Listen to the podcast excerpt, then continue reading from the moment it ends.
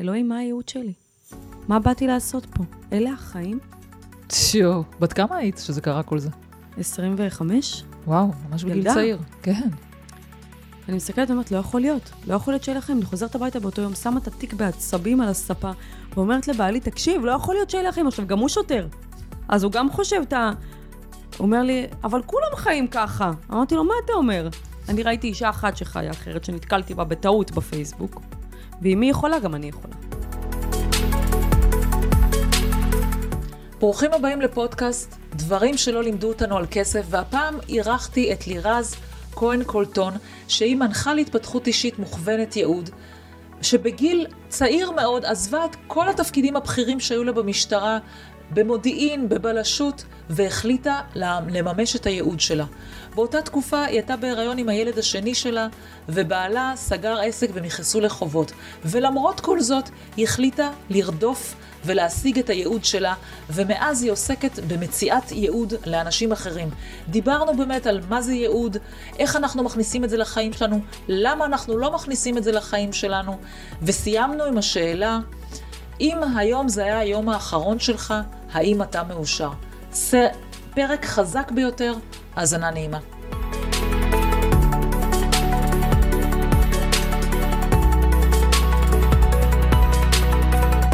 לירז, כהן קולטון.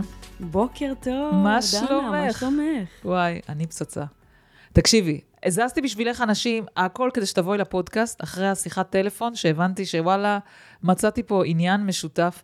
תספרי את על השיחת הטלפון הזאתי, שהתקשרת אליי. וואו, אז קודם כל, אה, כנראה שאנשים מתחברים גם לכסף, אבל גם לרוחניות. ואיך הכרתי אותך? הגיע אליי איזשהו בחור מקסים שאמר לי, דנה, דנה, דנה, דנה, דנה, דנה, כל שנייה, דנה, דנה, מי זו דנה? נכנסתי לראות מי זו דנה. וראיתי אישה שמשדרת הרבה מאוד חיוביות, הרבה מאוד עוצמה, ואמרתי, אוקיי, בוא נשלח לה הודעה, מה יכול להיות? שלחתי לך הודעה, משם שיחת טלפון של שעה פלוס, אשכרה. ואז אה, אה, הבנתי כמה אנחנו דומות. כמה אנחנו לפעמים מדברים את אותם נושאים מזוויות שונות, והעניין של הזווית פה הוא מאוד מאוד חשוב, כי את מאוד מביאה את הפן הכלכלי, את המטרות, יעדים, ואני מסתכלת רגע על הפן הרוחני של האדם, מה יכול למשוך לך את השפע, ואני חושבת שזה מאוד מאוד משלים. וכשמצאנו את החיבור הזה, אז אה, משם הכל היסטוריה. לגמרי. אז ספרי באמת קצת על עצמך, ו... ומה באמת את עושה, אחר כך אני כמובן אשאל אותך גם איך הגעת לזה, אבל מה זה אומר רוחניות? כאילו, רוחניות זו מילה סופר סופר גדולה, גבוהה, מה זה אומר? אחד מפרש את זה ככה, השני אחרת, מה זה אומר? אז קודם כל קוראים לי רז כהן קולטון. אני בהכשרה שלי יועצת אישית וזוגית, ומטפלת בהרבה מאוד אה, שיטות של תודעה ושינוי דפוסי חשיבה, הרגלים ואמונות, ככה התחלתי. לא ידעתי מה אני רוצה להיות. הייתי שוטרת, מרובעת, משמרות, לילות, חגים, שבתות, באה הביתה בעיקר לישון, אבל כשהתחתנתי והצלחתי גם לקנות את הדירה הראשונה, ועל הנייר לעשות את הדברים הבסיסיים שכולנו צריכים לעשות, הבנתי שיש איזשהו גרף כזה בחיים, והגרף אומר, אוקיי, תגדל, ת, תלך לצבא, אחרי צבא תעשה טיול, תחזור מהטיול, תלך ללמוד, ת, תבחר ללמוד משהו שיהיה פרקטי, גם אחר כך שתוכל להפוך אותו למקצוע מפרנס, תתחתן, תקנה בית, תביא ילדים, כאילו המסלול הרגיל, אבל משם נראה שאנשים עוברים תהליך של הידרדרות. לפחות אני. כאילו משם אתה אומר, אוקיי, מה עכשיו? כבר אין לי מטרה, אני לא יודע מה, אני לא יודע לאן, ואתה מתחיל להרגיש את התחושה הזאת מקננת בך יום-יום, במיוחד אם אתה קם בבוקר לעבודה שאתה לא אוהב. עכשיו, אני יכולה להגיד לך שהייתה לי עבודה שסופר אהבתי, כן? אני הייתי קמה בבוקר, שמה את המדים בשיא האהבה והתשוקה לעוד יום עבודה, הייתי בתפקידים סופר מעניינים, מה שסימנתי לי בתור, בתור יעד. בתוך המערכת הגעתי, סוכנת סמויה, מודיעין, תפקידים כאילו הכי גבריים, זכריים, שאמרתי, יאללה, אני הולכת לטרוף את העולם ולהתקדם בסולם הדרגות. אבל פתאום הרגשתי תחושה של ריקנות, אגב, את שואלת אותי על רוחניות, תחושה של ריקנות של כאילו, טוב, אז, אז, אז השגת את כל הדברים שרצית. ומה? עכשיו. ולא שמת לעצמך יעדים חדשים? לא ידעתי אפילו מה לשים לעצמי יעד חדש. היעד שלי תמיד היה להגיע למודיעין במשטרה, ואמרו לי, אה, תשבי בשקט, יש לך זמן. מה שנקרא, בגיל 40, 45, כשכבר לא תוכלי לצאת ולהיכנס מהניידת, כי כנראה יהיה לך קשה, יעבירו אותך אולי לתפקיד משרדי. ואני אמרתי, מה? אין דבר כזה. מבחינתי יש משהו שאני רוצה, אני רואה קיר, אני עוברת אותו. Mm-hmm. ולשם שאפתי, וכשנפתח באמת מכרז לתפקיד כזה, באתי למפקדת התחנה שלי הכי ישיר, ואמרתי לה, תקשיבי, אני רוצה להתמודד. תשחררי אותי. אמרה לי, אוקיי, מה אני אגיד לך? עומד לי בגרון, אבל תעשי מה שאת אוהבת. וזה באמת היה תהליך של מיונים והכשרות, ולקחתי חופשים על חשבוני, ו- וללמוד, ומבחנים ועיונים, והכל בעצם כדי להגיע לתפקיד הזה. והגיע היום המיוחל, אני מסדרת את המשרד, ואני אומרת, מה אני עושה פה? יואו, הלם. עד לפה, כאילו כל זה עשיתי בשביל להגיע לפה? ואז מגיע הקול השני שאומר, רגע, אבל שנייה, רק הגעת, תנחתי. אז אני נותנת לשבוע, שבועיים, חודש, חודשיים לעבור, וזה לא משתפר, זה הולך ונהיה גרוע יותר. וואו. ואז אמרתי, אוקיי, אני תמיד הייתי מאוד קיצונית בהחלטות שלי גם, היה לי מאוד קשה לעשות את האיזון. נכנסתי למפקד שלי ואמרתי לו, תקשיב, נשמה, לא טוב לי פה. אמר לי, אוקיי, אז מה את רוצה? בואי תגידי מה את רוצה, איזה תפקיד. אמרתי לו, אני חושבת שעברתי יותר תפקידים משוטר שנמצא פה כל החיים שלו. הייתי בכל כך הרבה, באמת, בשיטור, בסיור, בחקירות, בבילוש, כאילו, לאיפה אתה רוצה להעביר אותי? מה נשאר? מפכ"ל. רק לשם. עכשיו, זה גם קורה, כי אתה עושה תפקידים שהם אה, נחשבים מאוד מאוד אה, גבוהים, נקרא לזה ככה, ואז אתה צריך להתיישר עם המערכת. ואז אמרתי לו, תקשיב, אני חושבת שהמקום שלי לא פה. עכשיו, אני אומרת לו את זה, ואני לא קולטת שאני אומרת את זה בכלל, ובאותו רגע נכנס המפקד שמעליו, ואומר לו, מה קרה, למה היא בוכה? הייתי סופר רגישה. ואני אומרת, לא טוב לי פה. ואז הוא מסתכל עליו, מתעלם ממני, ואומר לו, תקשיב, היא מהשוטרים של פעם, תסתכל לה בעיניים. תעמיס עליה עבודה שהיא לא תרגיש. עכשיו, אני שם, וואו. ואני לא קולטת מה הוא אומר. ובאמת כך קורה. אני מקבלת אחריות של תפקידים של בית משפט, של דברים שכאילו, אם אתה מעביר אותם בצורה לא נכונה, על הראש שלך. וזה באמת גורם לי לא לחשוב. ועוברת ככה עוד שנה, ואני מאוד עסוקה, ואפילו מתחילה קצת ליהנות, ולפתח חברים, ולהכיר, ואנשים קצת יותר ברמה. ואז אני יוצאת למכללה לאומית לשוטרים, לאיזשהו קורס. אני מגיעה לשם, אני קולטת שאני לא מקשיבה לה. אני בתוך הראש שלי, סרטים, תסריטים, רץ. ואני אומרת, אבל אני חוזרת למשרד, אני לא יודעת לעשות כלום. אני לא, אני לא מקשיבה. אני יוצאת החוצה, דנה ככה, בזה הרגע, מרימה את הידיים למעלה ואומרת, אלוהים, מה הייעוד שלי? מה באתי לעשות פה? אלה החיים? יואו. בת כמה היית שזה קרה כל זה? 25? וואו, ממש בגיל. צעיר. כן.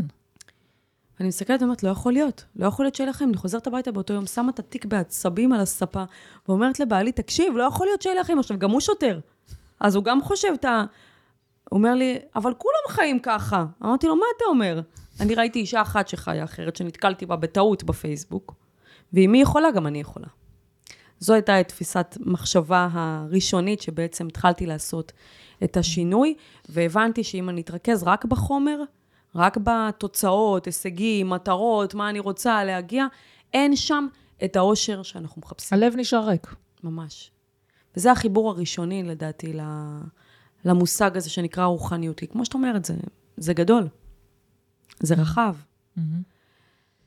ומשם הכל uh, התגלגל לנקודה שבה אמרתי, אוקיי, זהו, עכשיו אני בהיריון, עם הילד השני שלי בבטן, ואני יושבת בישיבה שהמשרד אה, סגור, אבל מעבר למפקד שיושב מולי, כמו שאת יושבת מולי עכשיו, יש חלון.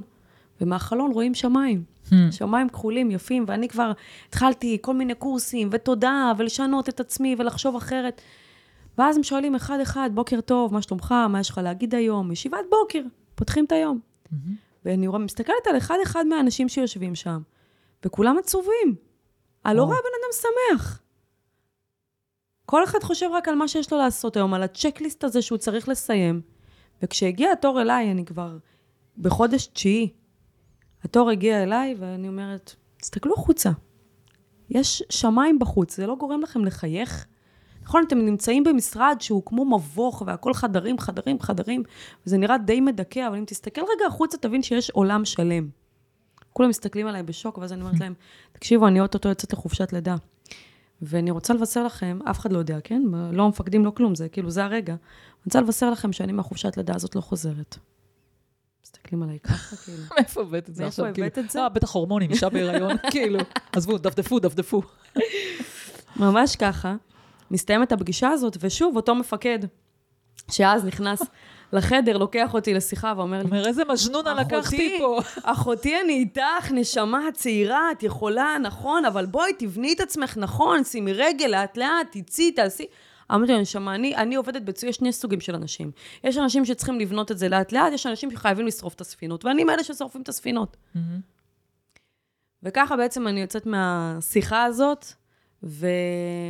ומקבלת את ההחלטה שאני לא חוזרת. עכשיו, אני, אני אקח אותך רגע קדימה בזמן, התינוק נולד, ובאותה נקודת זמן, בעלי, אגב עסקים, אה, לקח זיכיון של חברה מאוד מאוד גדולה בארץ, בניסיון לפתוח איזשהו מקום שהוא ממש רצה, שקשור לאוכל.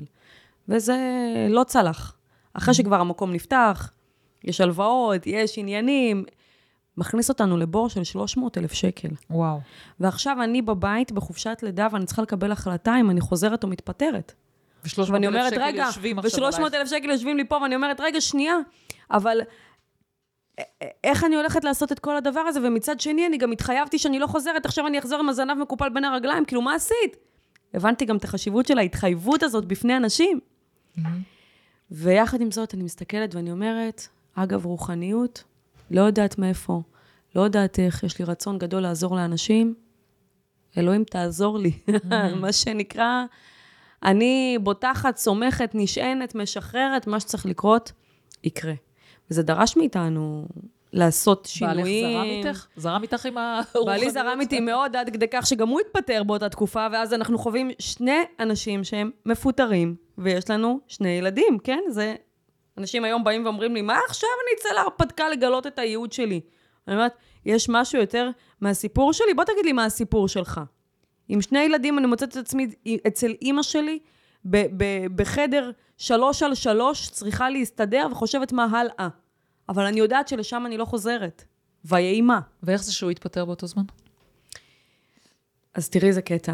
כשאני אה, אמרתי בעבודה שאני עוברת לצפון, כי היינו, שירתנו במרכז, אמרתי, אני עוברת לצפון. אם אתם רוצים, עשיתי דיל עם בורא. אמרתי, אם, אם אתם רוצים, תעבירו אותי לצפון. עכשיו, ידעתי שלא מאשרים מעברים של שוטרים. לא מאשרים, כי זה תקנים. אמרתי, אם זה צריך לקרות, יעבירו אותי, אם יעבירו אותי, אני אסתדר פה עוד קצת עד שאני ניקח את העצה של הקצין, מה שנקרא, אני עדיין קצת בראש הזה. ואז היא מתקשרת אליי ואומרת לי, מפקד המחוז החליט להעביר אותך. עכשיו, מסתכלת ואני אומרת? לה, אמיתית, באיזה קטע? באיזה קטע? בעלי, כאילו, אני, יש לי מה לעשות בחוץ. בעלי, אין לו מה לעשות בחוץ, הוא עוד לא יודע מה הוא רוצה. אותו אתם לא מוכנים להעביר, שהוא יתפטר, ואותי אתם מעבירים? אלוהים, מה אתה מנסה להגיד לי? הלם. באותו רגע אמרתי לה, תקשיבי, את יודעת מה זה מבחן אמונה? אני אומרת לה, אמרתי, היקום בוחן אותי. תגידי לו תודה רבה, אבל אני ממשיכה הלאה. איזה אומץ. כן. ו... וכך, וככה התחלתי.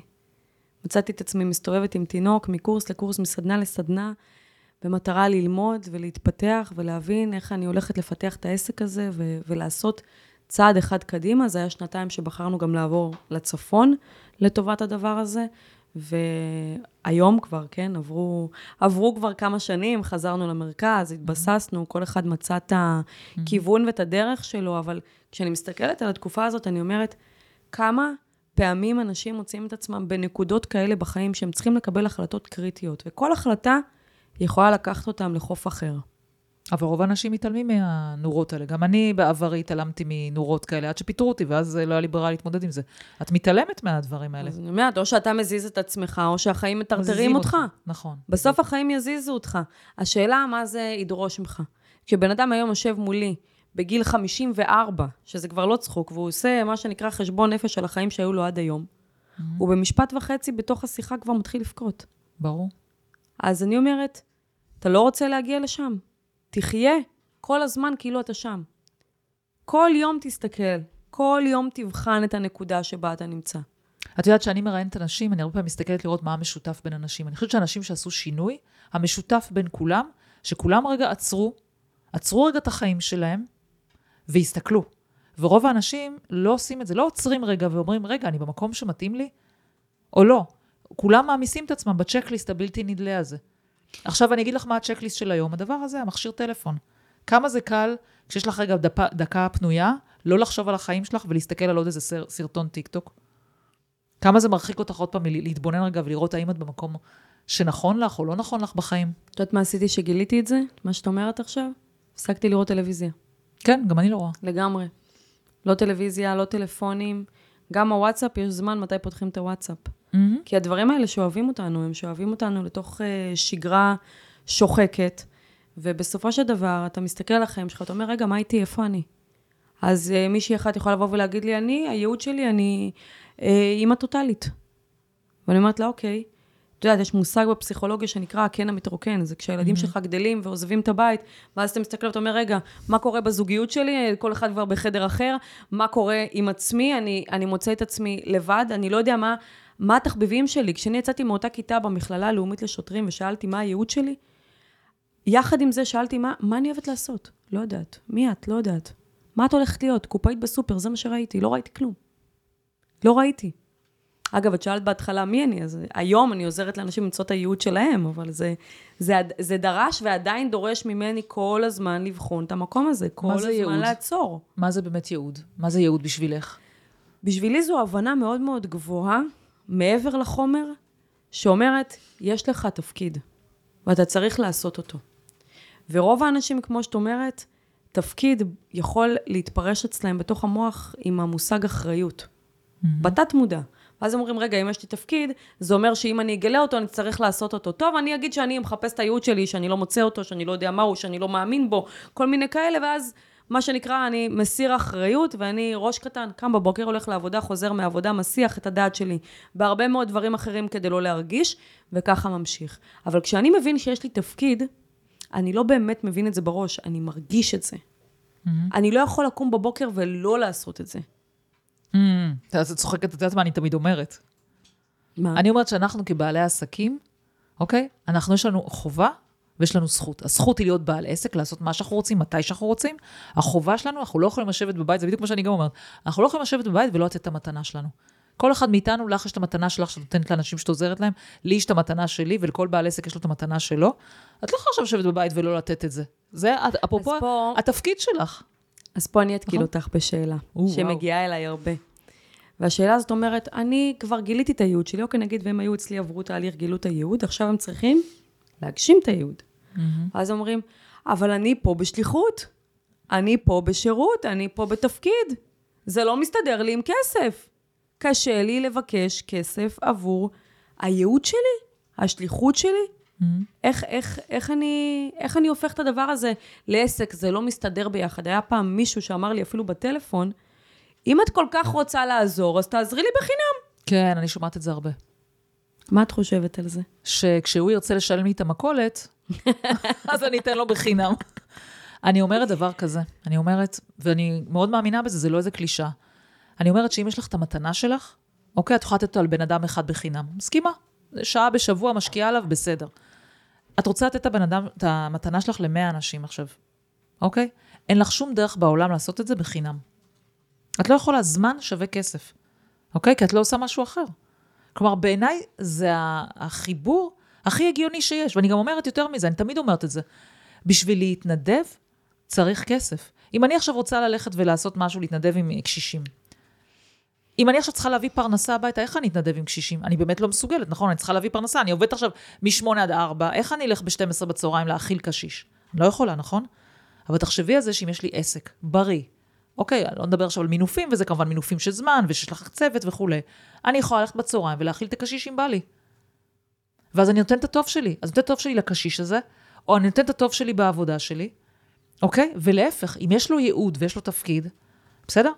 והוא נותן משהו למישהו, המישהו הזה יגיד לו, תקשיב, למה לקחת ממני 100 שקל? יכולת לקחת ממני 500 שקל. כי נתת לי כל כך הרבה, הרבה יותר מה-100 שקל האלה. הרבה יותר מה-500 שקל, הרבה יותר מה-1,000 שקל הזה. את יודעת כמה פעמים אני שומעת מאנשים, נכון? אמרו לי, מה, אני אשלם על זה עכשיו 6,000 שקל? אבל אנשים שיוצאים אומרים לי, תקשיבי, זה שווה הרבה יותר מ-6,000 שקל. כל מה שעברתי, כל התהליך שעברתי, בדיעבד הם מבינים את זה. אז אם אתה רוצה את הטוב שלך בעולם, אתה חייב כסף, מה לעשות? להפך, יהיה לך כסף, תוכל לתת ליותר אנשים, ביותר עצימות, בלא יודעת מה. אז תעשה פרו בונו, אני תמיד אומרת לאנשים, אתה רוצה להגשים את הייעוד שלך? אין בעיה, תחליט שכל נגיד עשרה מפגשים, סתם דוגמה, עשר לקוחות, הלקוח העשירי, בחינם. תשעה משלמים ומסבסדים את הלקוח העשירי. תמיד יש דרכים למצוא איך לעשות את זה בצורה שהיא תגשים את עצמך. אבל אין סתירה בעיניי, זה שאני לוקחת כסף על הקורס שלי, אני לגמרי יודעת מה הערך שלו, אני יודעת איך הוא משנה לאנשים את החיים. ואני צריכה גם להתפרנס מזה, כדי שאני אוכל לתת את זה לעוד מישהו, ואני אוכל לפרסם קמפיין, ושעוד מישהו ייהנה מזה. איך אני אעשה את זה? אז אני מחזירה את השאלה אלייך. כשאני אומרת את זה ככה, נכון שאין דרך אחרת? אלא אם כן, אתה ילדים של רוטשילד. נכון שאין דרך אחרת? אין דרך אחרת, אבל יותר מזה, זה החיבור בין שתי העולמות, בין הרוח לבין החומר. זה אנשים בינגו. מסתכלים על כסף כמשהו חומרי, הם לא מבינים שכסף זו אנרגיה רוחנית של שפע, שמגיעה לפי המקובלים מאותו אור, שהוא בעצם האנרגיה של השפע הזאת. עכשיו, אם אני רוצה להכניס יותר אור, משמע להכניס יותר שפע, להכניס יותר אנרגיה, גם של כסף, אני חייבת להרחיב את הכלי שלי. אני לא יכולה להפריד בין הרוח לבין החומר. ויצא לי לפגוש אנשים שהם ממש בתוך הרוח, אבל הם לא מצליחים לייצר בחומר. ואנשים שנמצאים מאוד בחומר, אבל הם לא מחוברים לרוח. מה ההבדל ביניהם? יש, פה, יש פה משהו מאוד מאוד יפה להסתכל עליו.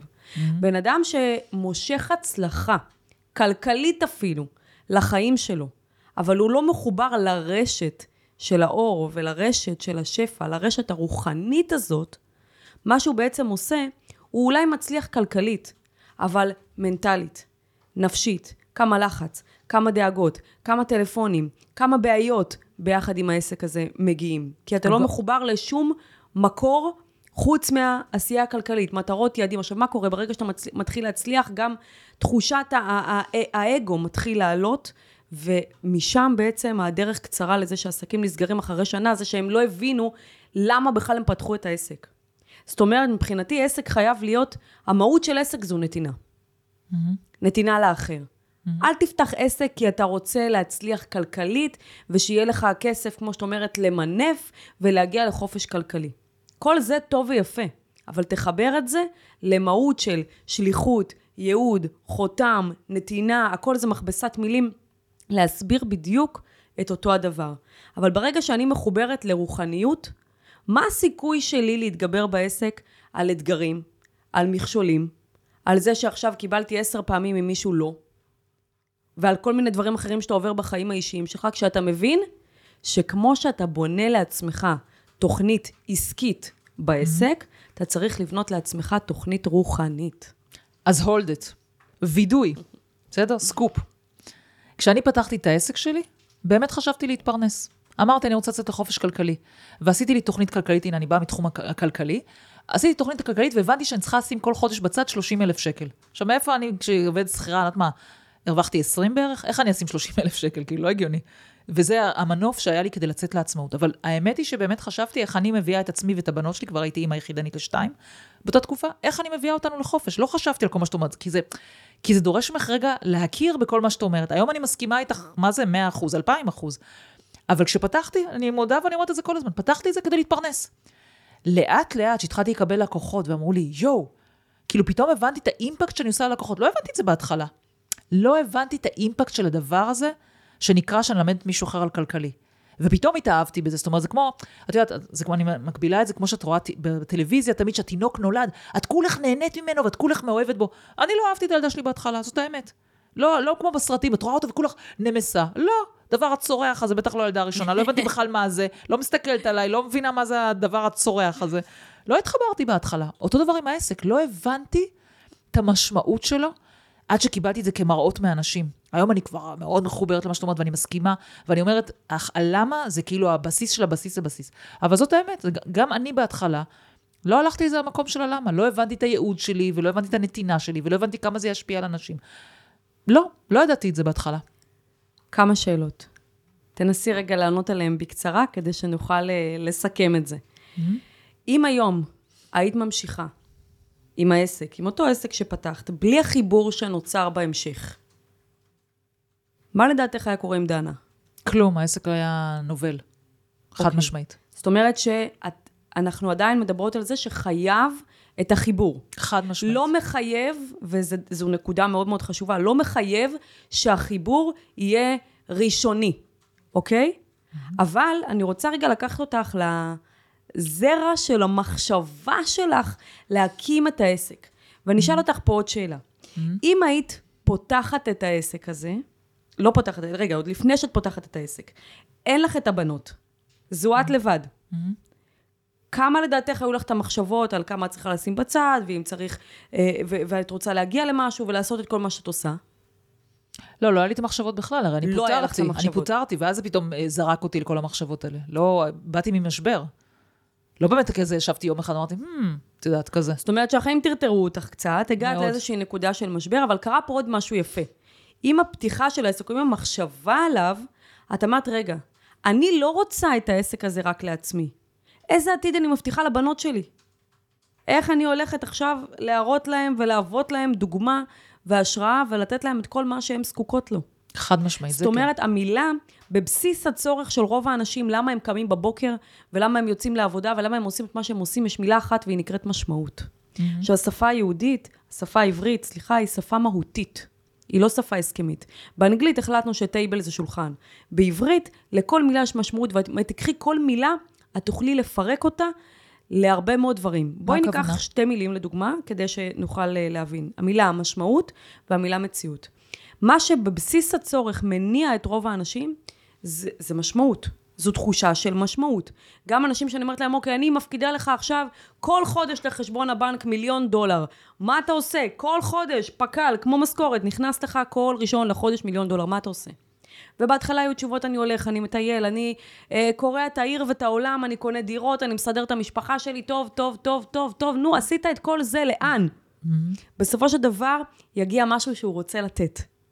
יגיע משהו שהוא רוצה להעביר הלאה. למה? כי בסיס הצורך של כולנו, אנחנו צריכים להרגיש משמעותיים. אדם שלא מרגיש משמעותי יקרוס לתוך הפחדים שלו, לתוך דיכאון, זה יכול להגיע גם למקרים של מוות, מקרים קיצוניים. הבסיס של הצורך שלך, מה שהניע אותך, זה תחושת משמעות גם עבורך וגם עבור הבנות. כי למה בסופו של דבר אתה רוצה את כל הכסף? בשביל להסתכל עליו. ברור, כסף זה אמצעי, זה לא אתה לא רוצה פואנטה. להשיג באמצעותו כל מיני דברים. אמת. אז זה הדבר הראשון. עכשיו, אם תקחי את המילה המשמעות, יש שם את המילה אה, שם, שהיא כאילו, רגע, מה, מה השם שלי? לכל אדם יש שם, בתוך אפרופו. הדבר כזה. אה, אם אני לוקחת את המילה מציאות, יש שם את המילה מצאות. אגב, אומרים, בתורה יש 600 אלף אותיות, אבל זה לא כזה נכון. מי שספר, הגיע ל-300 אלף. אוקיי, 300 אלף זה אומר שתיים עלות. כי 600 אלף אה, ניצוצות, אה, נשמות ש, שקיימות מה, מהמקור, זה בעצם שתיים עלות. אז מציאות, המציאות שלך משתנה כשאתה מוצא את האות שלך. כשאתה מבין את הייחודיות שלך, כשאתה מבין את המשמעות שלך. ואת אומרת, העסק הזה היה נובל, אם הוא היה ממשיך עם אותה תחושה. ופה יש נקודה מאוד מאוד משמעותית, כי אני יכולה לתת לך, לדוגמה, אה, בן אדם שמגיע ועושה את כל התהליך לגילוי הייעוד שלו, אבל משהו לא מתחבר שם עד הסוף. אוקיי, ואז אנחנו מתחילים לקחת קצת יותר דברים מהחומר, לראות מה מפריע לו. מספיק שהוא יתחיל לזוז, ויש לו איפשהו, גם, בואי נגיד ככה, באוזן ימין אותי ובאוזן שמאל אותך. באיזשהו שלב זה יתחבר לו. ואם זה לא יתחבר, העסק לא ימשיך. הוא לא ימשיך לעבוד. ואם ש- הוא ימשיך לעבוד, ואם הוא יצליח, כמו שאמרנו קודם, כנראה שיש שם הרבה מאוד דאגות והרבה מאוד כאב ראש. אני חושבת שלא סתם אומרים שמי ש... אם אתה מוצא את המשהו שאתה אוהב לעשות, אתה לא עובד יותר יום בחייך. שזה נורא נורא נכון. זאת אומרת, אני לא מרגישה בעבודה. אני מרגישה שאני שוטפת כלים, אני בעבודה. או מקפלת כביסה, אז אני בעבודה, בסדר. פודקאסט, שמה פודקאסט, אז אני עוד אה, סובלת את זה. אבל באמת, אני אוהבת את מה שאני עושה, אני מרגישה את המשמעות הזאת כל יום. ואני מסכימה איתך שזה גם מעביר לי את הימים הקשים. יש ימים ש... כן, כבעל עסק יש לנו, את יודעת, רכבת הרים, ויש ימים לא פה טובים. ופעם אחת את כן מצליחה, ונגיד אם דיברנו ככה על אנשי מכירות למשל, אז אנשי מכירות, רוב הזמן מקבלים לא. נכון? הרי גם אם הוא ממיר אחד לארבע, שלושה אמרו לו לא. רק הרביעי אמר לו כן, אוקיי? אבל אם הוא מרגיש את המשמעות והנתינה, ואני כל הזמן אומרת לאנשי המכירות אצלי, אתם צריכים להרגיש את המשמעות. באמת, מי שבא אליי מאוד אומר, וואלה, אני רוצה לעזור לאנשים להתקדם כלכלית, זה מדבר אליהם. ואני כל כך מסכימה עם העניין הזה של משמעות, וזה, וכל מי שלא הגיע למקום הזה, זה ממש חבל. כאילו, אז מה, אז מה הוא עושה פה? אני אשאל אותך עוד שאלה. מה גרם לך לפתוח דווקא את העסק הזה? למה לא פתחת עסק אחר? כי אני עברתי בעצמי תהליך כלכלי, כי אני לא ידעתי כלום, אני עברתי ממש מקיצוניות, אוקיי? לא הכרתי. אני חושבת שאולי לא הייתי פותחת עסק. אם נניח הייתי באה מהמקום הזה של כספים ו- ו- ו- וכלכלה, ולהבין, ולדבר על כסף ולנהל, אולי זה לא היה קורה. אבל אני הייתי בורה בזה לחלוטין, ועברתי תהליך, ואמרתי לעצמי, יואו, זה כאילו כמו לגלות את האור, כמו שפעם ראשונה שפתחו את האינטרנט. את בטח לא זוכרת את זה, אבל אני זוכרת את זה. שפתאום התגלה עוד עולם, פתאום יש עוד משהו. פותחים את ה... אז לא היה טלפון, אבל פותחים את המחשב ויש משהו. כאילו זה הזוי כזה, פתאום עוד עולם. ככה הרגשתי, פתאום עוד עולם. עוד עולם נגלה לפניי, ואמרתי, יואו, אם אני לא יודעת את זה, בטוח יש עוד אנשים. התחלתי לדבר על זה, קשקש לאנשים כולם. בערבי שישי, בזה, בזה, ואת מכירה את זה שאת אה, נדלקת על משהו ואת כל הזמן מקשקשת על זה, את לא מסוגלת לסתום את הפה? ופוסטים, ופוסטים, וכל הזמן העליתי על זה, תקשיבו, אתם חייבים, וזה. אמרו, בטח זאתי איזה כת, משוגעת זאתי. כל הזמן אה, זה. והיום אני רואה את הצד השני, שאנשים חיים באיזה בועה וגם לא רואים את זה. אז כאילו בא לי לנער אותם כזה, לנפץ להם את זה כזה עם אה, מחט כזאת, את הבועה הזאתי. אותו דבר. אז כאילו, אני מרגישה שליחות כזאת, ואני יכולה לספר שלפני כמה שנים עשיתי סוג של מדיטציה כזאת, דמיון מודרך כזה, וזה הפתיע אותי. ידעתי שאני אוהבת לתת וזה, ואז בדמיון הזה, ישבתי במין אה, שולחן כזה, בהתחלה זה היה שולחנות כאלה, כמו נגיד שולחנות כזה של אולם אירועים כזה, שיושבים כזה שמונה, עשרה בשולחן, כזה, מין כזה אולם כזה, וזה כאילו דימה לי אותי כיועצת כלכלית, כמאמנת כלכלית, בשולחן שלי, ואז היו עוד אנשים, עוד מאמנים כלכליים, עוד קולגות שיושבים עם אנשים שלהם, ופתאום בדמיון מודרך הזה גיליתי שאני עולה על הבמה, ופתאום אני מנהלת את כל החדר הזה. וזה רגע תפסתי, כאילו יצאתי הרגע מזה, אמרתי, רגע, יש פה משהו. אני רוצה כבר להשפיע לא על העשרה אנשים האלה, וזה מה שקרה לי בעסק. במקום לעבוד מאחד על אחד עם אנשים, התחלתי לתת את הקורסים שלי, ואז היו לי קורסים שהעברתי 100 אנשים בו זמנית. 100 משפחות עברו תהליך בו זמנית, במשך חודשיים. פתאום זה כבר לא היה אחד על אחד חוד, אה, במשך חודשיים. וזה היה מהגילוי הזה, שפתאום, רגע, יש לי פה משהו יותר גדול לתת, לא להישאר בעשרה האנשים האלה. יש פה כמה דברים יפים שאמרת. קודם כל, שימי לב לשפה שלך, למילים שהשתמשת בהם. גיליתי את האור. דיברנו קודם mm. על אנרגיית האור. אחר כך אמרת, ראיתי שאני משפיעה. שזה גם רעיון מאוד רוחני. זה לא לקבל לעצמי איך אני משיגה בעסק הזה עכשיו עוד כסף בשביל לנסוע לתאילנד ולטייל פה ולטייל שם, אלא ההשפעה הזאת, הלקבל לעצמי זה בסדר, זה, אנחנו רוצים את זה וזה טוב, אבל זה לקבל גם על מנת לתת. ולא רק לקבל על מנת לקבל, לא רק לקבל לעצמי. עסק שחושב על עצמו, כנראה לא, יש, לא יישאר עסק. אז יש פה כמה דברים שאת את, את אפילו השתמשת במילים האלו, אבל לא באמת, רגע, הסתכלת על זה ואמרת, רגע, שנייה, מה, מה, מה קורה פה? מצד שני, העסק שלך, הוא התחיל בנקודה שבה לא ראית איזשהו חיבור, אבל אם תשימי לב, עברת פה איזושהי דרך בעצמך, ואז אמרת, וואו, אני חייבת uh, כזה לעלות לראש ההר ולצעוק שאני אוהבת אותך, כאילו זה כזה, אם אני אוהבת אותך, אני רוצה שכולם ידעו שאני אוהבת אותך, כמו במערכות יחסים. ממש ככה. והרעיון הוא פה שכמו שחייל מגיע לצבא, מה עושים לו? לא משנה מאיפה אתה, מי אימא שלך, מי אבא שלך ואיזה מפורסם אתה, קודם כל תעלה על מדים. Mm-hmm. שרשרת חיול ומה שנקרא טירונות. כולם mm-hmm. עוברים את זה. למה? כמו איפוס. אוקיי? תתאפס, תיכנס למערכת. זה בדיוק אותה חשיבות. קודם כל, קורה משהו בחיים, יש איזשהו אתגר, יש איזשהו משהו שאתה עובר, וזה מאפס אותך, זה טוב לך. Mm-hmm. והאיפוס הזה גורם לך רגע לראות את המערכת הכללית, רגע לעשות אחורה ולהגיד, רגע, שנייה, מה קורה פה? וברגע שאתה מבין את זה, אז אתה מתחיל את, ה, את הצבא, ושם בעצם מתחילים לזהות את הייחודיות שלך. ואז אם מזהים את זה נכון, גם מנדבים אותך לאיזשהו מקצוע שאתה מאוד תהנה ממנו ואתה תפרח בשירות הצבאי שלך. אותו דבר גם בחיים. הרבה מהדברים שאנחנו עוברים, אנחנו מעבירים הלאה. את יודעת, שמעתי הרבה מאוד משפטים על העולם של המנטורינג. מה כל אחד שלא הלך לו בחיים נהיה מנטור, וכל אחד שקרה לו ככה וככה פתאום מלמד את זה. אבל זה לא סתם, יש פה עניין רוחני. מעבירים אותי בדיוק את מה שאני צריכה לעבור כדי להעביר אחר כך אנשים אחרים. אם אני לא הייתי עוברת את המשבר זהות הזה משוטרת למה שאני עושה היום, איך הייתי יכולה להבין בן אדם אחר שתקוע 30 שנה בבנק ולא מצליח לזוז? נכון. איך הייתי מצליחה לעזור לו לזוז? אם הכל היה לי קל. אם מלכתחילה הייתי מבינה שהייעוד שלי זה להיות יועצת קריירה. אבל זה לא יועצת קריירה, יש פה משהו הרבה יותר עמוק. אנשים היום מגיעים אליי מייעוץ קריירה. למה? כי, כי אתה צריך להתחבר לאיזשהו ניצוץ פנימי. אז את עברת את מה שעברת בחיים כדי גם לעזור ולהעביר אנשים אחרים. מפה את רק צריכה להיות קשובה. קשובה לעצמך, מה את עושה שמרים לך את האנרגיה, מה את עושה שמוריד לך, איפה הזמן עובר לך כשאת נהנית. נכון. איפה את לא מרגישה שאת עובדת. אז עברת את כל הכברת דרך הזאת בשביל להעביר אנשים אחרים, וברגע שהבנת את זה, אפילו לא במודע פתחת את העסק הזה, בלי כאילו לחבר אותו, אבל חיברת אותו. אני אומרת לך, חיברת נכון. אותו. נכון. אני רוצה להגיד לך עוד משהו, תראי, כי עכשיו את מספרת ואני מבינה עוד משהו עכשיו. לפני בערך שנה או משהו כזה, הוספתי עוד נדבך לעסק, אוקיי? הוספתי את העניין העסקי. כלומר, אני התחלתי כמנטורית כלכלית, ואחר כך הוספתי את הליווי עסקים. וגם כאן, זה בא מזה שאני עברתי מעוסק פטור לחברה בעם תוך שלוש שנים. ולמדתי המון, המון. כאילו, אני כמו ספר פתוח היום.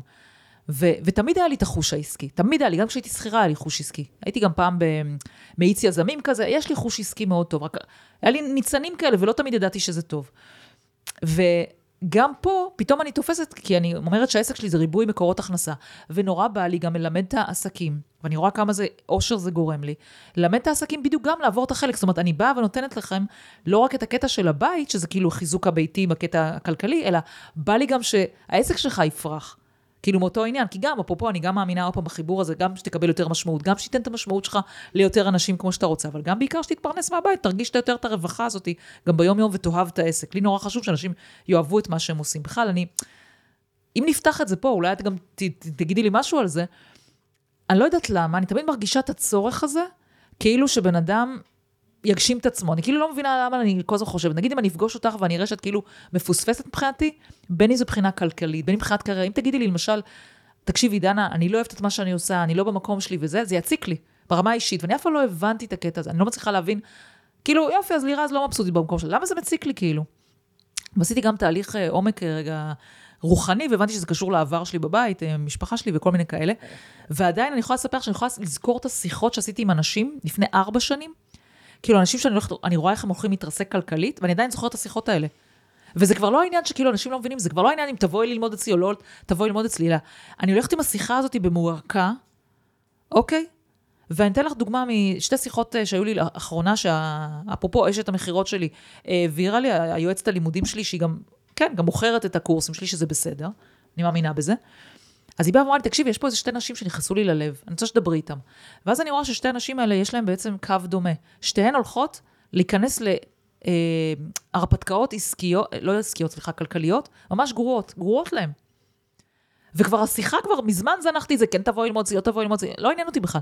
השיחה כבר היה להראות להם רגע מראה, תעצרי שנייה, מה, לפני שאתה, אתה יודע, זה כמו לראות בן אדם קופץ לתהום, ולא לראות שאין שם מים. קופץ לבריכה בלי מים. ואני לא מבינה עד היום, עד הסוף, למה זה כל כך מפריע לי. למה זה כל כך מפריע לי שמישהו בא אליי ו- ולא רואה שהוא הולך להתרסק כלכלית, או לא מבין איך לה- להצמיח את העסק שלו, ואני רואה את זה, אני רואה את זה כ- כתמונה בהירה, איך הוא יכול להצמיח את העסק, והוא כאילו נשאר תקוע. כי זה הייעוד שלך. אז עכשיו תסבירי מה, לי את זה. אני אסביר לך. אחד מה, מהרמזים לגילוי הייעוד, זה בדיוק מה שאמרת. ברגע שמשהו מציק לי, מזיז אותי, מפריע לי, כנראה שיש לי איזשהו עניין לתת שם את הטאט שלי. להשאיר שם את החותם שלי. לעזור לו. יש אנשים, תפגשי יועץ זוגי, שיגיד לך, הלכתי ללמוד ייעוץ נישואים, כי זה מתאים לי. הלכתי להיות מורה, כי זה נחמד לי, אחלה חופשים. אבל mm-hmm. יש אנשים שיבואו ויגידו, זה מפריע לי. זה מפריע לי שאנשים חיים ככה. כשאת מספרת, אני רואה את עצמי כשוטרת חיילת בת 18, עובדת עם אנשים שכאילו צריכים לצאת לפנסיה עוד שנייה, כל, בכל מיני גילאים, ואני זוכרת שיחת, שיחה בחוץ, הם כאילו כל מה שהיה להם זה לצאת החוצה ולעשן את הסיגריה הזאת, כן.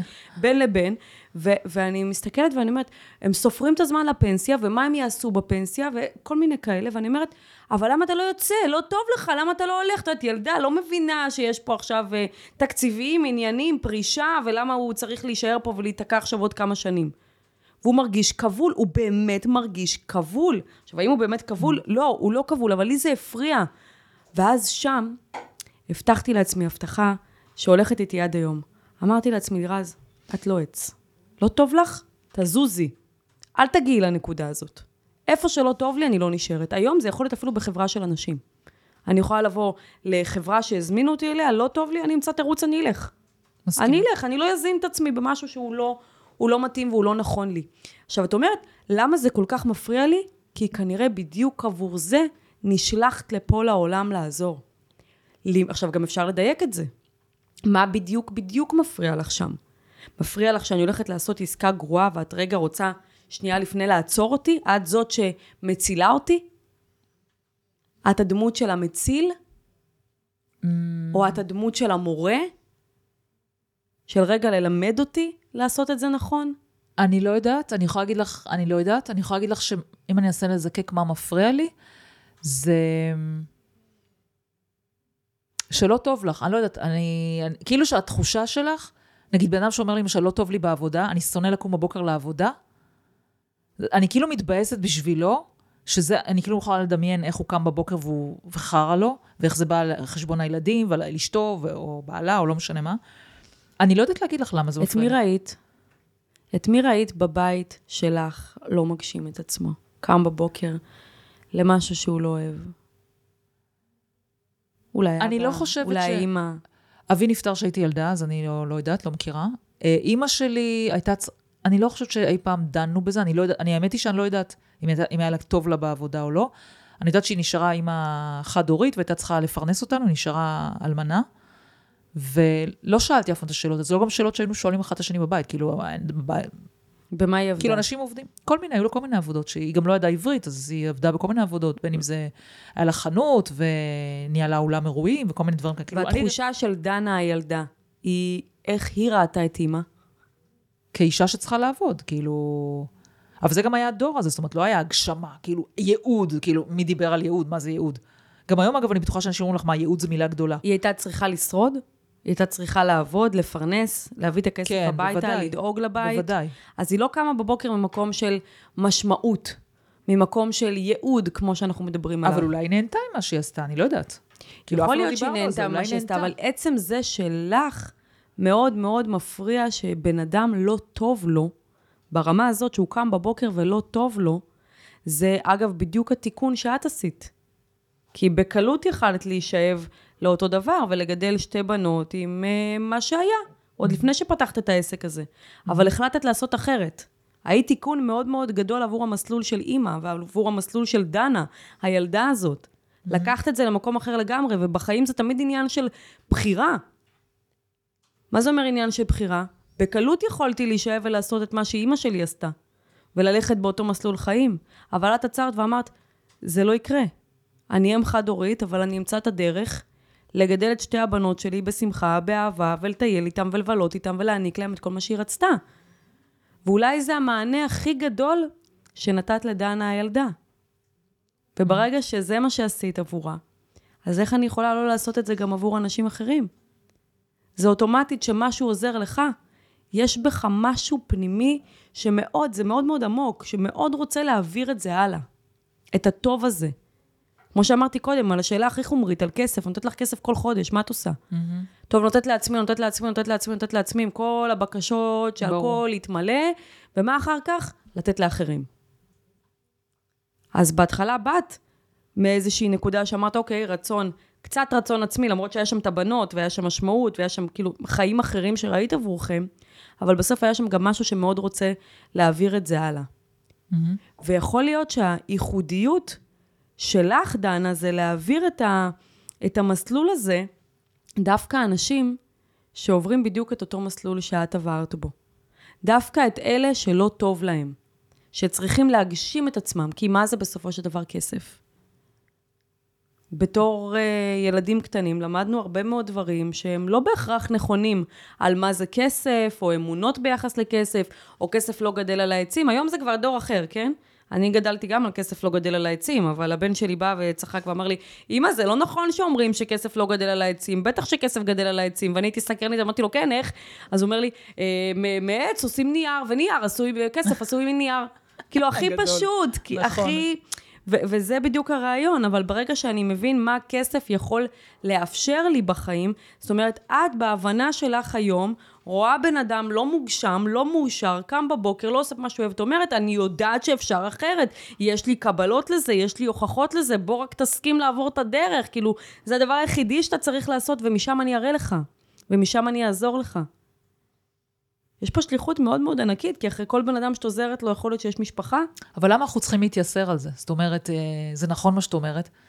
למה אני צריכה להתייסר על זה? אני זוכרת שיחות, אני יכולה לתת לך עוד דוגמה למשל, מישהי שרצתה לבדוק להיות אצלי מנטורית כלכלית, וזה באמת, הרגישה שזה מה שהיא רוצה. והיא הייתה 20 שנה או משהו כזה עובדת באיזה מקום, והיא לא מרוצה שמה. ואת יודעת, אפילו היה לה תמיכה מהבית, שזה בעיניי משהו נורא נורא חשוב. היה לה ממש תמיכה מהבית, כאילו. ואפילו עשיתי שיחה משולשת עם הבעל. והוא אמר, תקשיבי, נשמה, תלכי על זה. זה כל כך את, זה כל כך מתאים לך, אני תומך בך, הכל יהיה בסדר, כאילו, תלכי על זה. והפחדים שלה הכריעו אותה, והיא לא הלכה על זה. ואני בטוחה, את יודעת, אם יש אחד הדברים שאני לא עושה, וזה גם טעות עסקית, אבל בלי קשר, זה להתקשר לכל האנשים האלה שנפגשו איתי פעם ולבדוק איתם מה היה היום. והרבה פעמים אנשים כאילו עושים את זה כאילו גם אקט מכירתי, בואי, אני עוד פעם פותחת קורס.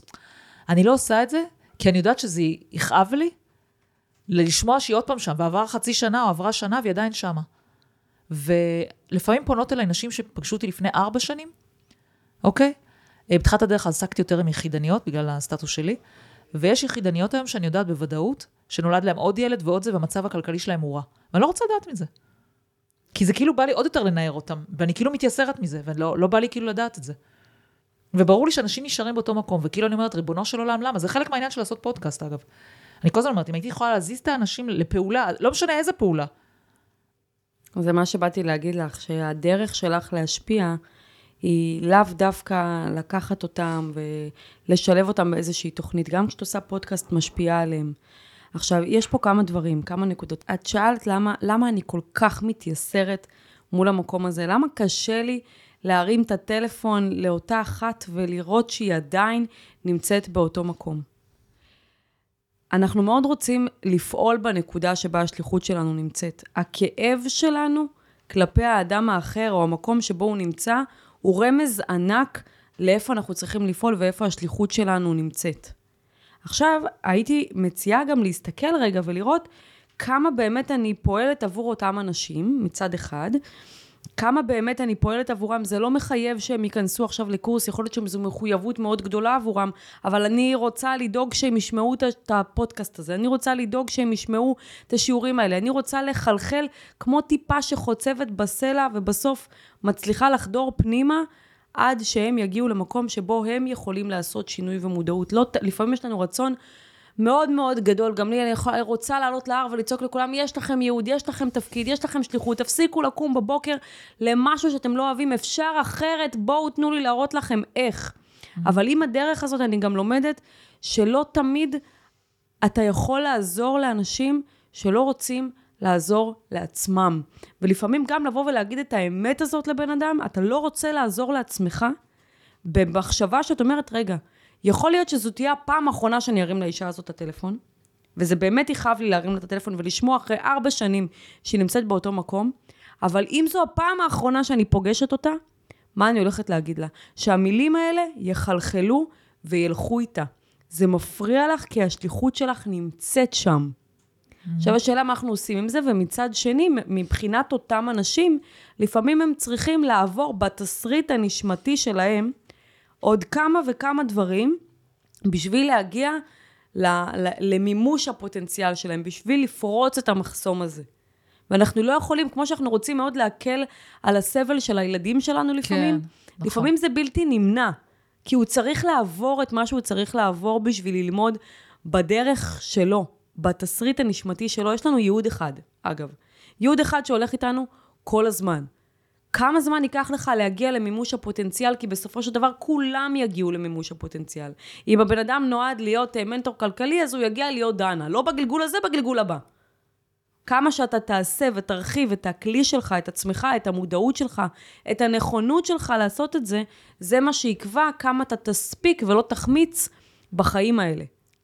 אבל עצם זה שזה כואב לך וזה מציק לך, זה מראה איפה השליחות שלך באמת נמצאת. ואולי זו נקודה למחשבה עבורך בחודשיים שאת הולכת לבלות בקרוב בתאילנד, לשאול את עצמך, איך אני יכולה להגיע דווקא לאלה, לחצוב להם בסלע.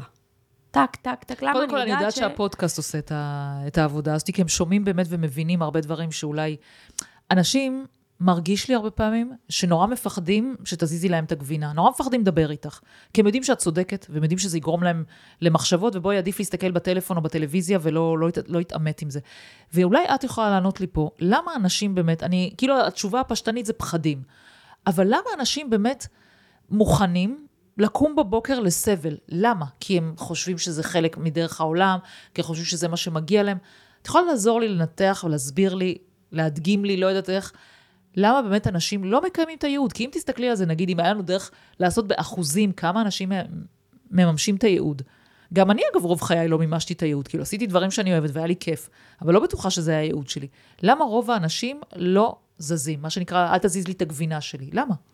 יש פה הרבה מאוד התנגדויות של אנשים ללמה הם לא עושים את התהליך הזה. למה הם מוכנים, כמו שאת אומרת, לקום בוקר בוקר למשהו שהם לא אוהבים. וזה יכול להיות פחדים כאלה ואחרים, ואז אומרים, אוקיי, אני, אם אני צריך לזוז, אני צריך גם להתמודד עם הפחד. מה למדתי על התמודדות עם קשיים, עם אתגרים, בבית כבר? איך אני מתמודד עם דברים שקורים לי היום? האם אני מתמודד או בורח? כי כמו שאת אומרת, טלפון זה בריחה. זה בריחה לכל דבר, אתה פשוט בורח מ- מלראות את מה שאתה באמת צריך לראות ולהסתכל עליו. אז זה יכול להיות פחדים, זה יכול להיות ההישארות הזאת במקום שנוח לי. אבל אתה משלם מחיר יקר, אין לי. דבר כזה נוח נכון, לך. נכון, אתה משלם מחיר הרבה יותר יקר. אני תמיד אומרת שאזור נוחות הוא כמו אזור נכות.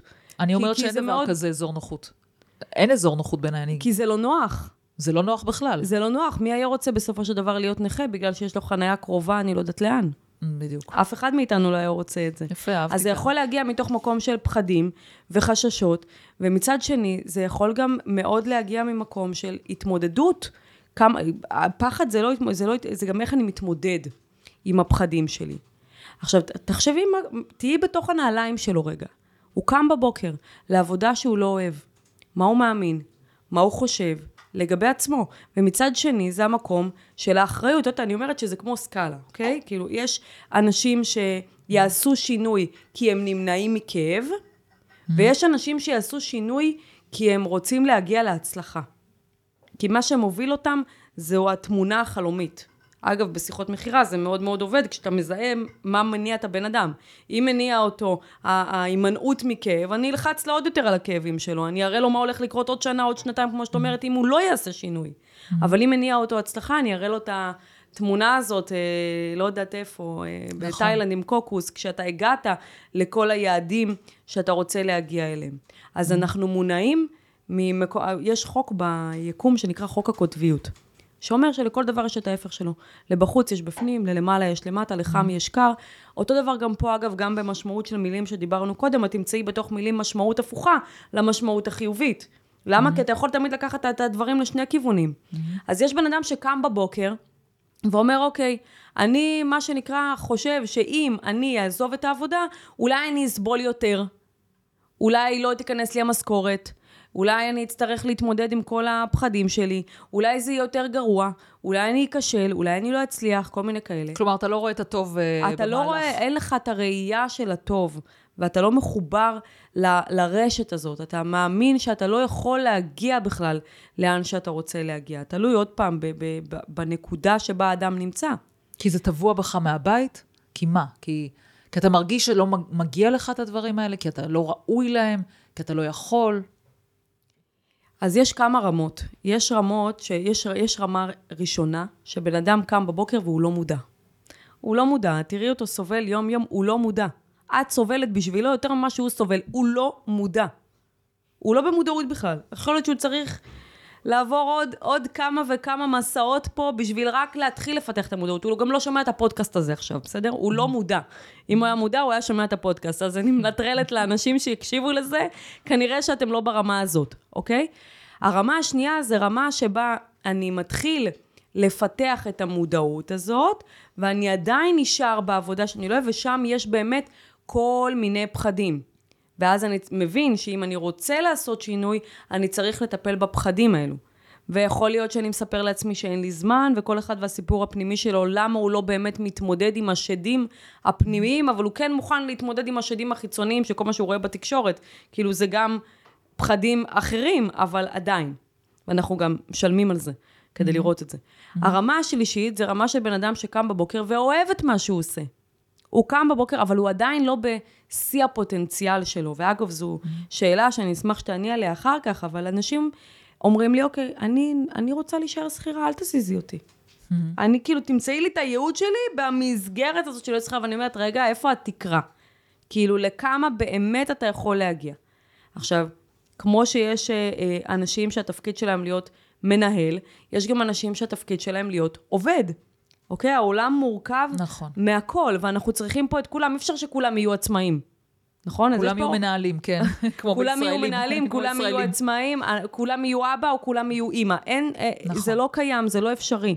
ולכן אנחנו עוברים פה תהליך של מסע של התפתחות. בסוף כולנו נגיע לזה, וכשנגיע לזה גם נחזור לאור, ואנחנו נשב כולנו רגל על רגל כמו שהיה קודם. אבל זה השתנה ברגע שהבנו שאנחנו, נקרא לזה במילים הכי פשוטות, אוכלי חינם. כמה אתה יכול לשבת ורק לקבל. ושהכול מגיע עד אליך. בסוף זה גורם לך להרגיש לא נוח. נכון? זה מה שהיה בהתחלה. כשעוד היינו כולנו מחוברים עם האור הזה כאחד. ויחד עם האור, עם כל הנתינה הזאת, קיבלנו גם את האופי של האור, שזו הנתינה. לתת, הרצון לתת, הרצון לברוא, הרצון לעשות. אז ברמה הזאת, הבן אדם קם בבוקר והולך לעבודה ואומר, אוקיי, טוב לי, סבבה לי, קם בבוקר, מחייך, שומע מוזיקה, נהנה, מצליח למצוא את עצמו. ברמה הגבוהה יותר, כבר יש את המימוש העצמי. שאני אומר, כאילו, אני, אני מבין את, ה, את המקום שבו אני נמצא. אבל אם אני מחזירה את זה רגע לשאלה שלך, הרבה פעמים אנשים קמים בבוקר והם לא מודעים. את מודעת, את מסתכלת עליו, את רואה אותו, את אומרת, הוא סובל. הוא לא מודע. ואותם אלה שמודעים, כל אחד במקום שבו הוא נמצא, יש משהו שמשאיר אותו שם. אם אני מספיק חדה ומקצועית, אני אזהה את זה, ושם אני אלחץ לו. ותגידי, איך את רואה את הקשר בין כסף באמת ל- לרוחניות? כי כסף זה לכאורה דבר אה, סופר גשמי. וואו, אז תקשיבי, קודם כל אני חייבת להגיד אה, בצורה הכי אותנטית, ש, שכסף אצלי היה אישו. היה אישו מאוד מאוד מאוד גדול. אה, בבית היה, הי- אימא הייתה עקרת בית, אבא היה אה, עצמאי, היו תקופות שהיה מלא כסף, אני זוכרת בתור ילדה שהיינו סופרות לו את הכסף, והיו תקופות שלא היה, שעכשיו אין, עכשיו צריך מה שנקרא מצב חירום.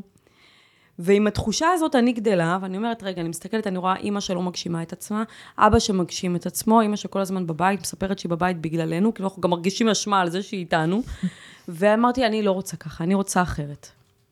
ואז הלכתי לקיצוניות השנייה, אחרי שכבר התפטרתי מהמשטרה ובחרתי לפתוח את העסק הזה, ואני לא אשכח את הפעם הראשונה שבה ישבתי ב... בבית קפה בצפון עם המחשב שלי לבד, שם זה נראה כאילו מוזר שאתה יושב עם מחשב לבד ואין איתך עוד מישהו בצד השני של השולחן. אני לא הרגשתי כל כך מוזר במקום הזה, שם כבר עשיתי עבודה. ואז בעצם זו הייתה, אה, קיבלתי שיחה ש...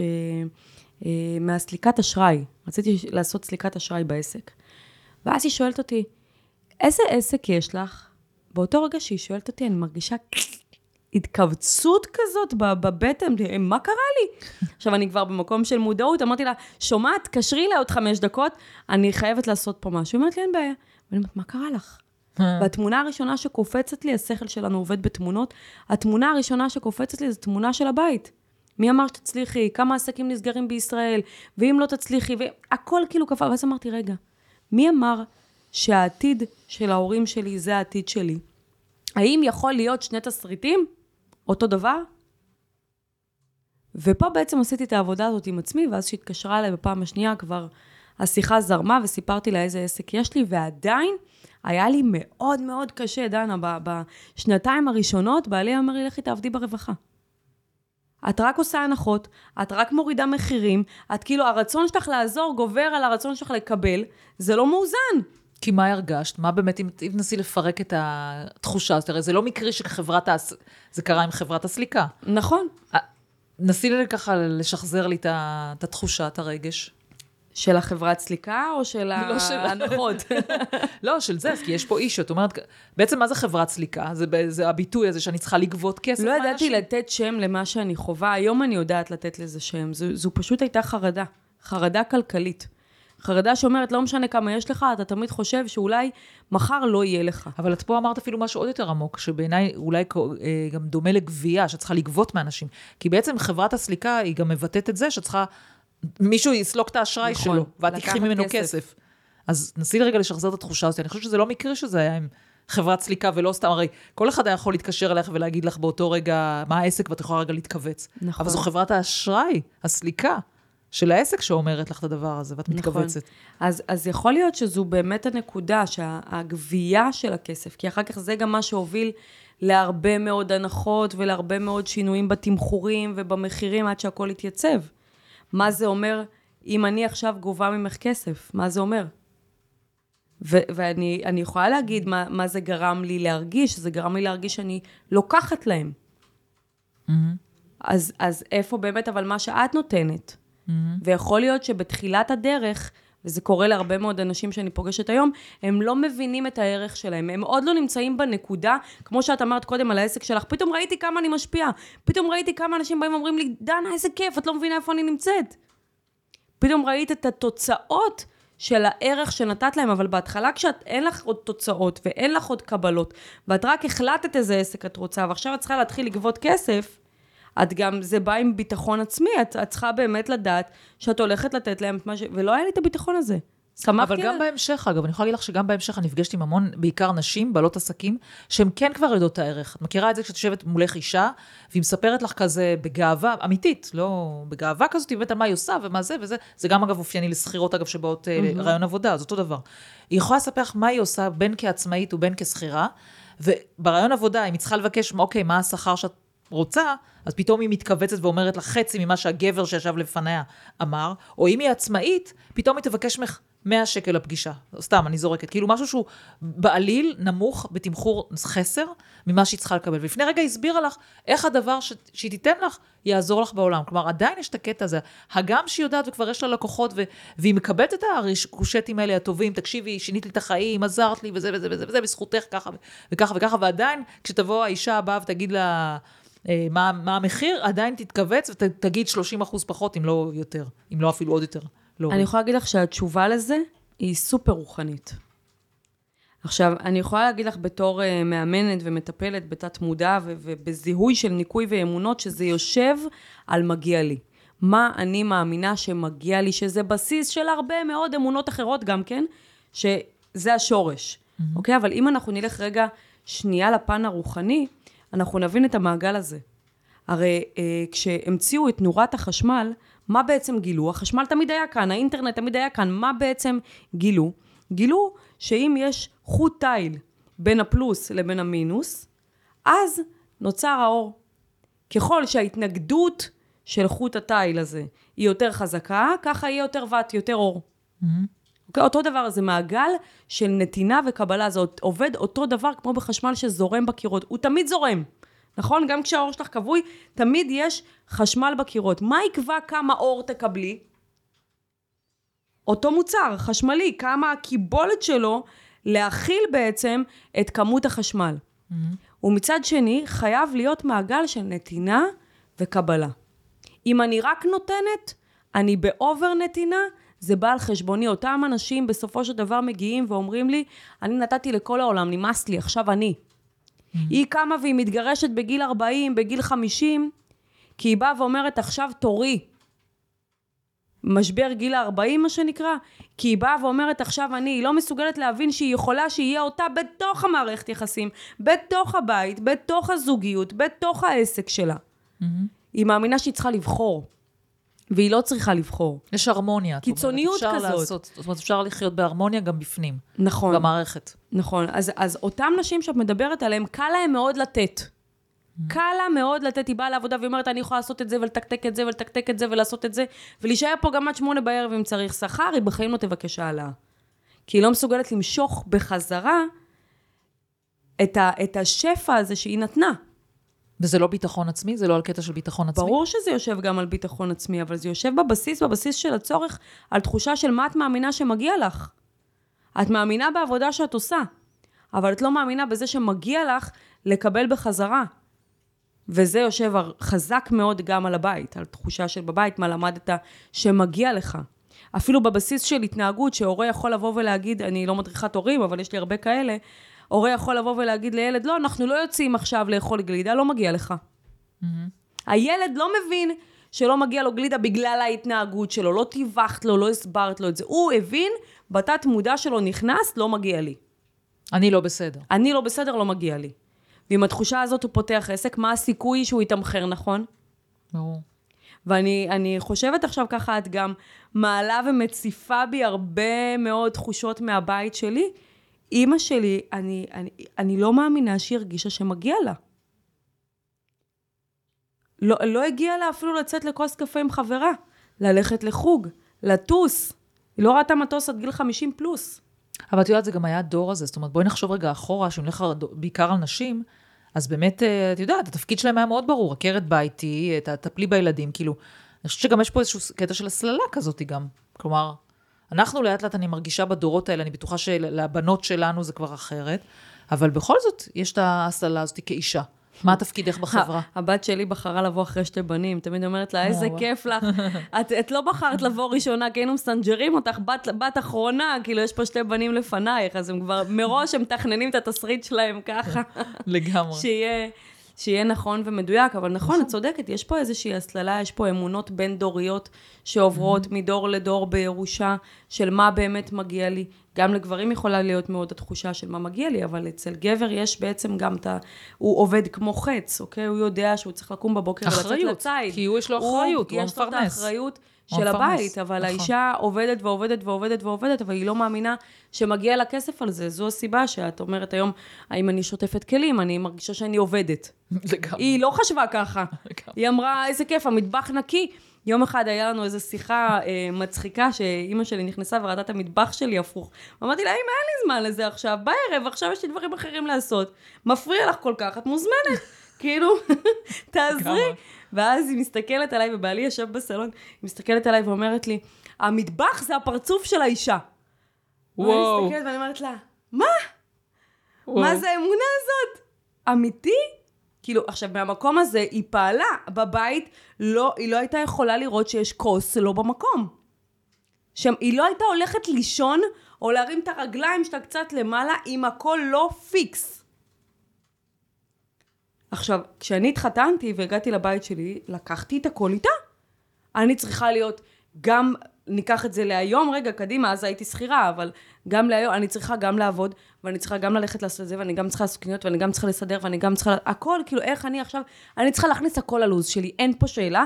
השאלה היא איך אני מכניסה את זה ללו"ז, וזה יוצר רשימת צ'קליסט שאתה בחיים לא מסיים אותה, אתה רק מסיים את היום בתחושה של תסכול, שלא משנה כמה עשית, אתה מסתכל על מה שלא עשית. נכון. ואז אני באה ואני אומרת, רגע, שנייה, מי אמר, איפה התחושת מגיע לי הזה? ואני מסתכלת על בעלי יוצא מהמקלחת בשיא הכיף שלו עם חלוק שאני קניתי לו, ונח. נח ככה אין לו את השאלות האלה. כן, אין לו את השאלות האלה. גלגל בטלפון, משחק, אני אומרת לו, אבל יש מלא דברים לעשות, מה אתה, מה, מה אתה יושב, מה אתה נח? אמצע היום, מה אתה נח? ואז אמרתי, רגע, למה הדבר הזה כל כך מעצבן אותך? למה מעצבן אותך לראות אנשים נחים? כי את לא מסוגלת לנוח? כי את לא מסוגלת לתת לעצמך? וזה זה, זה היה... לי יש תשובה בשבילך זו הייתה למידה, ללמד את עצמי לצאת מהמקלחת עם חלוק ולשבת ולא לעשות כלום, ולהרגיש טוב עם זה. ולהרגיש שהשפע אצלי והוא בדרך אליי, גם כשאני יושבת ונחה. את יודעת למה לי, אגב? אני גם ניתחתי את זה לאחרונה. למה זה מרגיז אותי? כי אני רואה את זה על הבנות שלי, למשל. למה זה מרגיז אותי, ולמרות שהן עוזרות לי המון, באמת. אני אספר לך אנקדוטה של היום בבוקר, אפרופו הכלים. היום בבוקר תהיתי אם אני מצלמת לפייסבוק שלי, ומעלה את הכיור שלי שהגיע כמעט עד התקרה. זה הכלים שהגיעו כמעט עד התקרה, היה אתמול וובינר, הייתי עייפה אחרי זה, הלכתי לישון, קמתי היום מוקדם, ועשיתי את הכלים. ואז הבת שלי שמעה, יצאה מהחדר שלה, תקשיבי, ב-6 בבוקר, אני קראתי בזה 5 ומשהו, כנראה הכלים עשו רעש, לא יודעת מה. יצאה ואמרה לי, אמא, אני אעזור לך, והיא שטפה, אני נתתי לשטוף את כל הסכו"ם, באמת ככה גם הספקתי, כי היה לי באמת המון כלים. אבל מה שאני באה להגיד לך, שאני, את יודעת למה זה מרגיז אותי שהן יושבות? כי בעיניי, כמו שאמרתי לך, לשטוף כלים, זה עבודה. כאילו. כאילו, אני שונאת את זה, זה כאילו מבחינתי זמן אבוד, אני מסתכלת, אני, אני כל פעם, אפילו אוטומטית שמתי לב שאני מסתכלת, מתי אני התחלתי לשטוף את הכלים ומתי סיימתי. כאילו, מבחינתי עכשיו 20 דקות זה לקח לי, כאילו 20 דקות עכשיו מהחיים שלי נמחקו. ואז אני יודעת שאם הם יעזרו לי, זה ייקח לי 10 דקות. אז נגיד זה משגע אותי, אני יודעת את זה שקיימים, משגע אותי כדי לעשות את העבודות סרק האלה, אז מבחינתי זה בא על דבר הזה. נגיד, תמיד כשאני שמה אה, כביסה, ישר אני אומרת להם, תבואו, קחו שלושה, שלוש. אז כאילו שלוש, עושות את זה יחד, זה שליש זמן לוקח מן הסתם. אז כאילו במקום הזה, כי אני מרגישה בזבוז זמן. ותראי, אמא שלך אומרת שזה הפנים שלך, ואני מרגישה, וואי, עכשיו אני מה זה... איזה בזבוז זמן עכשיו לעשות את הקשקוש הזה. אני חושבת שזה גם מגיע ממקום של uh, היכולת שלנו לבקש עזרה. את פיתחת יכולת היום שאת ממש אומרת לבנות תעשו. שכל אחת תיקח משהו, אנחנו שלוש, כל אחת יכולה לעשות משהו, ואנחנו מתקתקות את זה הרבה יותר מהר, אף אחד מאיתנו לא אוהב לעשות את זה, נכון. אוקיי? ההורים שלנו לא, לא חיו בגישה הזאת, אוקיי? אמא שלי הייתה יכולה לבקש משהו, ועד שאני באתי מהחדר לעשות אותו, היא כבר עשתה אותו. אז למה ביקשת? אז את לא באמת יודעת לבקש עזרה, כמו שאת לא באמת יודעת לבקש כסף. נכון. תלמדי לבקש אותו. עבור השירות שלך. אני הייתי מתכווצת כל פעם כשהייתי צריכה לבקש כסף. הייתי אומרת, רגע, שנייה, אבל אני יודעת מה הדבר הזה הולך לתת לאנשים. וזו עבודה של התפתחות מאוד מאוד גדולה, גם בייעוד וגם בשליחות, כי ברגע שאני מרוויחה יותר, יש לי אפשרות לתת יותר. בייעוד שלי, בהגשמה שלי, לאנשים שלי, בלשבת איתם או איתך עכשיו בשיחה ולא לדאוג מה יהיה בסוף החודש או מה יהיה בעוד שבוע, אלא ליהנות מזה. ואז אני אומרת, אוקיי, בסדר, אז יש את הדברים שאני עושה, שאני שם בנתינה עבור אלה שעדיין לא מוכנים להוציא את הסכום הזה עבור עצמם, כמו הפודקאסט הזה לדוגמה, ויש את הדברים שאני עושה אובר עבור התלמידים שלי. שם אני יודעת שאני אתן להם את שתי העיניים שלי. שהם יגיעו לאן שהם רוצים להגיע. שהפעם הם יגלו את הייעוד שלהם, שהפעם זה יקרה. שהם לא יישארו ריקים מול הדבר הזה, ותסכול מאוד מאוד גדול של ניסיתי ועשיתי כל כך הרבה דברים ועדיין לא הגעתי. אז רמת הנתינה ורמת ההשפעה צריכה להיות בהתאם. אבל כשעובדת, כמו שאמרת קודם, מגיעה ואומרת, אני יודעת לעשות את זה ואת זה ואת זה ואת זה, מה היא עשתה? היא לקחה לעצמה 20 תחומי אחריות, ובשכר מה? לא דיברת על השכר. על הזמן שלך. על הזמן שאת בחרת להשקיע עבור הדבר הזה. שזה החיים שלך, בואי. שזה החיים שלך. החיים שלך חולפים פה, בתכלס. עכשיו, גם, גם אנשים שנמצאים בתחילת הדרך, כמו שאמרנו קודם, ואומרים, אוקיי, אני יודעת מה יש לי לתת, הם, הם צריכים לבנות את הביטחון הזה, ובעיקר את תחושת המגיע לי. את יודעת מה שינה לי את זה הכי הרבה? רק המגיע לי. רק השיח הזה של המגיע לי. שכל פעם שהייתי צריכה לעשות איזושהי מטלה שנחשבת עבודה, שאלתי את עצמי מה מגיע לי. שכל פעם שהייתי צריכה לגבות תשלום, שאלתי את עצמי מה מגיע לי. מה מגיע לי באמת? הרי אני, אני בסופו של דבר, ההבטחה של התוכנית זה שכולם יגיעו לייעוד שלהם, גם אם אני צריך לפגוש אותם לליווי אישי כל שבוע אחרי שהתוכנית מסתיימת. אז, אז מה מגיע לי? Hmm. בוא, בוא נשאל את זה עכשיו. מדהים. ו- ואז באמת אתה מבין שאין לזה מחיר. אתה נותן לאנשים משהו שאין לו תג מחיר. את נותנת את הנשמה, בואי, מה שאת מתארת עכשיו, אתה, אתה נותן את הנשמה שלך, בסופו של דבר מה שאת מתארת ומה שאני מתארת בעסק שלי, והרבה נשים בטח אה, וגברים יתחברו לזה, אנחנו נותנים את הנשמה שלנו בסופו של דבר, ואין מה לעשות, צריך לשלם עבור זה. אנחנו נותנים את הנשמה, זה לא רק הזמן. זה הזמן, זה האנרגיות, זה המחשבות, זה... את הולכת עם מה שאת עושה, זה לא נגמר לך באותו רגע. נכון. ואת נותנת את הנשמה והלב, בסופו של דבר. ומשם יש uh, מעגל של נתינה וקבלה, של פלוס ומינוס, של שפע. שאתה מבין שכל מה שאתה מקבל עובר דרכך. קודם כל אתה נהנה מזה, נכון? זה יאפשר לך לנסוע עם הבנות, וזה יאפשר לך לעשות את הדברים שאת רוצה, וזה יאפשר לך לבנות איזושהי תוכנית ולחזור עם כוחות שלך, מחודשים. לחזור עם כוחות, לעצור שנייה, לעשות אתנחתא, להיות בים באמצע היום כשכולם בעבודה. זה מאפשר לנו הרבה דברים שהם מאוד מאוד מאוד נוחים. אבל מצד שני, שגם יש לך מחויבות ואחריות בעבור השירות שאתה נותן, אבל לא מחויבות ואחריות שמפחידה. שאתה אומר, רגע, אני עכשיו אחראית על חיים של אנשים ואולי זה לא יעבוד, אני לא רוצה את האחריות הזאת, אז אני לא מטפלת. להפך, יש לך אחריות, אז תעשה מה שנדרש לעשות כדי לעזור לבן אדם הזה עד הסוף. כדי שהוא יצא ממך והוא יהיה הכי מרוצה שיש, והוא ימליץ עליך לעוד עשרה אנשים. ברגע שאתה פועל מהמקום הזה, אתה סוגר מעגל של נתינה וקבלה. אתה מבצע את הייעוד ואת השליחות שלך, אגב, כל הזמן. שאלה באיזה, ש... באיזה רמת מודעות וכמה אתה מחובר לשליחות הזאת. תקשיבי, אני חושבת שזה היה פרק מהמם. אני למדתי המון על עצמי. אה, יכולתי לדבר איתך שעות. מה, אני, שאלה אחרונה. מעביר מסע. זהו, שאלה אחרונה כזה, למרות שבא לדבר איתך עוד אה, המון זמן, אבל שאלה אחרונה, מה המסר, את יודעת, במשפט, שהיית רוצה שאנשים יזכרו מהפרק הזה? אני חושבת שאחד מהדברים שאנשים צריכים לעשות אחרי הפרק הזה, זה לקחת אודם ולהסכים להרוס אותו, אפילו של האישה, אם זה גבר ששומע אותנו. לקחת אודם, ללכת למראה איפה שאנחנו מצחצחים שיניים כל בוקר, כי אין מה לעשות. את הצ'קליסט הזה, אי אפשר, אי אפשר לדלג על זה. אתה תקום ואתה תשטוף פנים בכל בוקר, ותרשום לעצמך, אם זה היה היום האחרון שלי, האם אני מאושר? האם ביצעתי את התפקיד שלי? עכשיו, זו יכולה להיות שאלה מאוד כואבת, אבל כשאתה מסתכל יום-יום על מה שאתה באמת צריך להסתכל ולהתמקד בו, אתה לא יכול לוותר לעצמך. אתה לא יכול לסגת, אתה לא יכול להגיד, זה לא הזמן, זה לא בשבילי, אין לי זמן להרפתקאות, אין לי כסף, אין לי זמן. הכל מתגמד לעומת השאלה הזאת. והפוקוס הולך למקום הרבה יותר טוב, שאתה אומר לעצמך, מה התפקיד שלי? מה אני באתי לתת פה בעולם, ומה אני מאמין שמגיע לי? כשאני שמתי את השאלה הזאת על, ה, על המראה, זה גם הוביל אותי לחשבון נפש בלילה.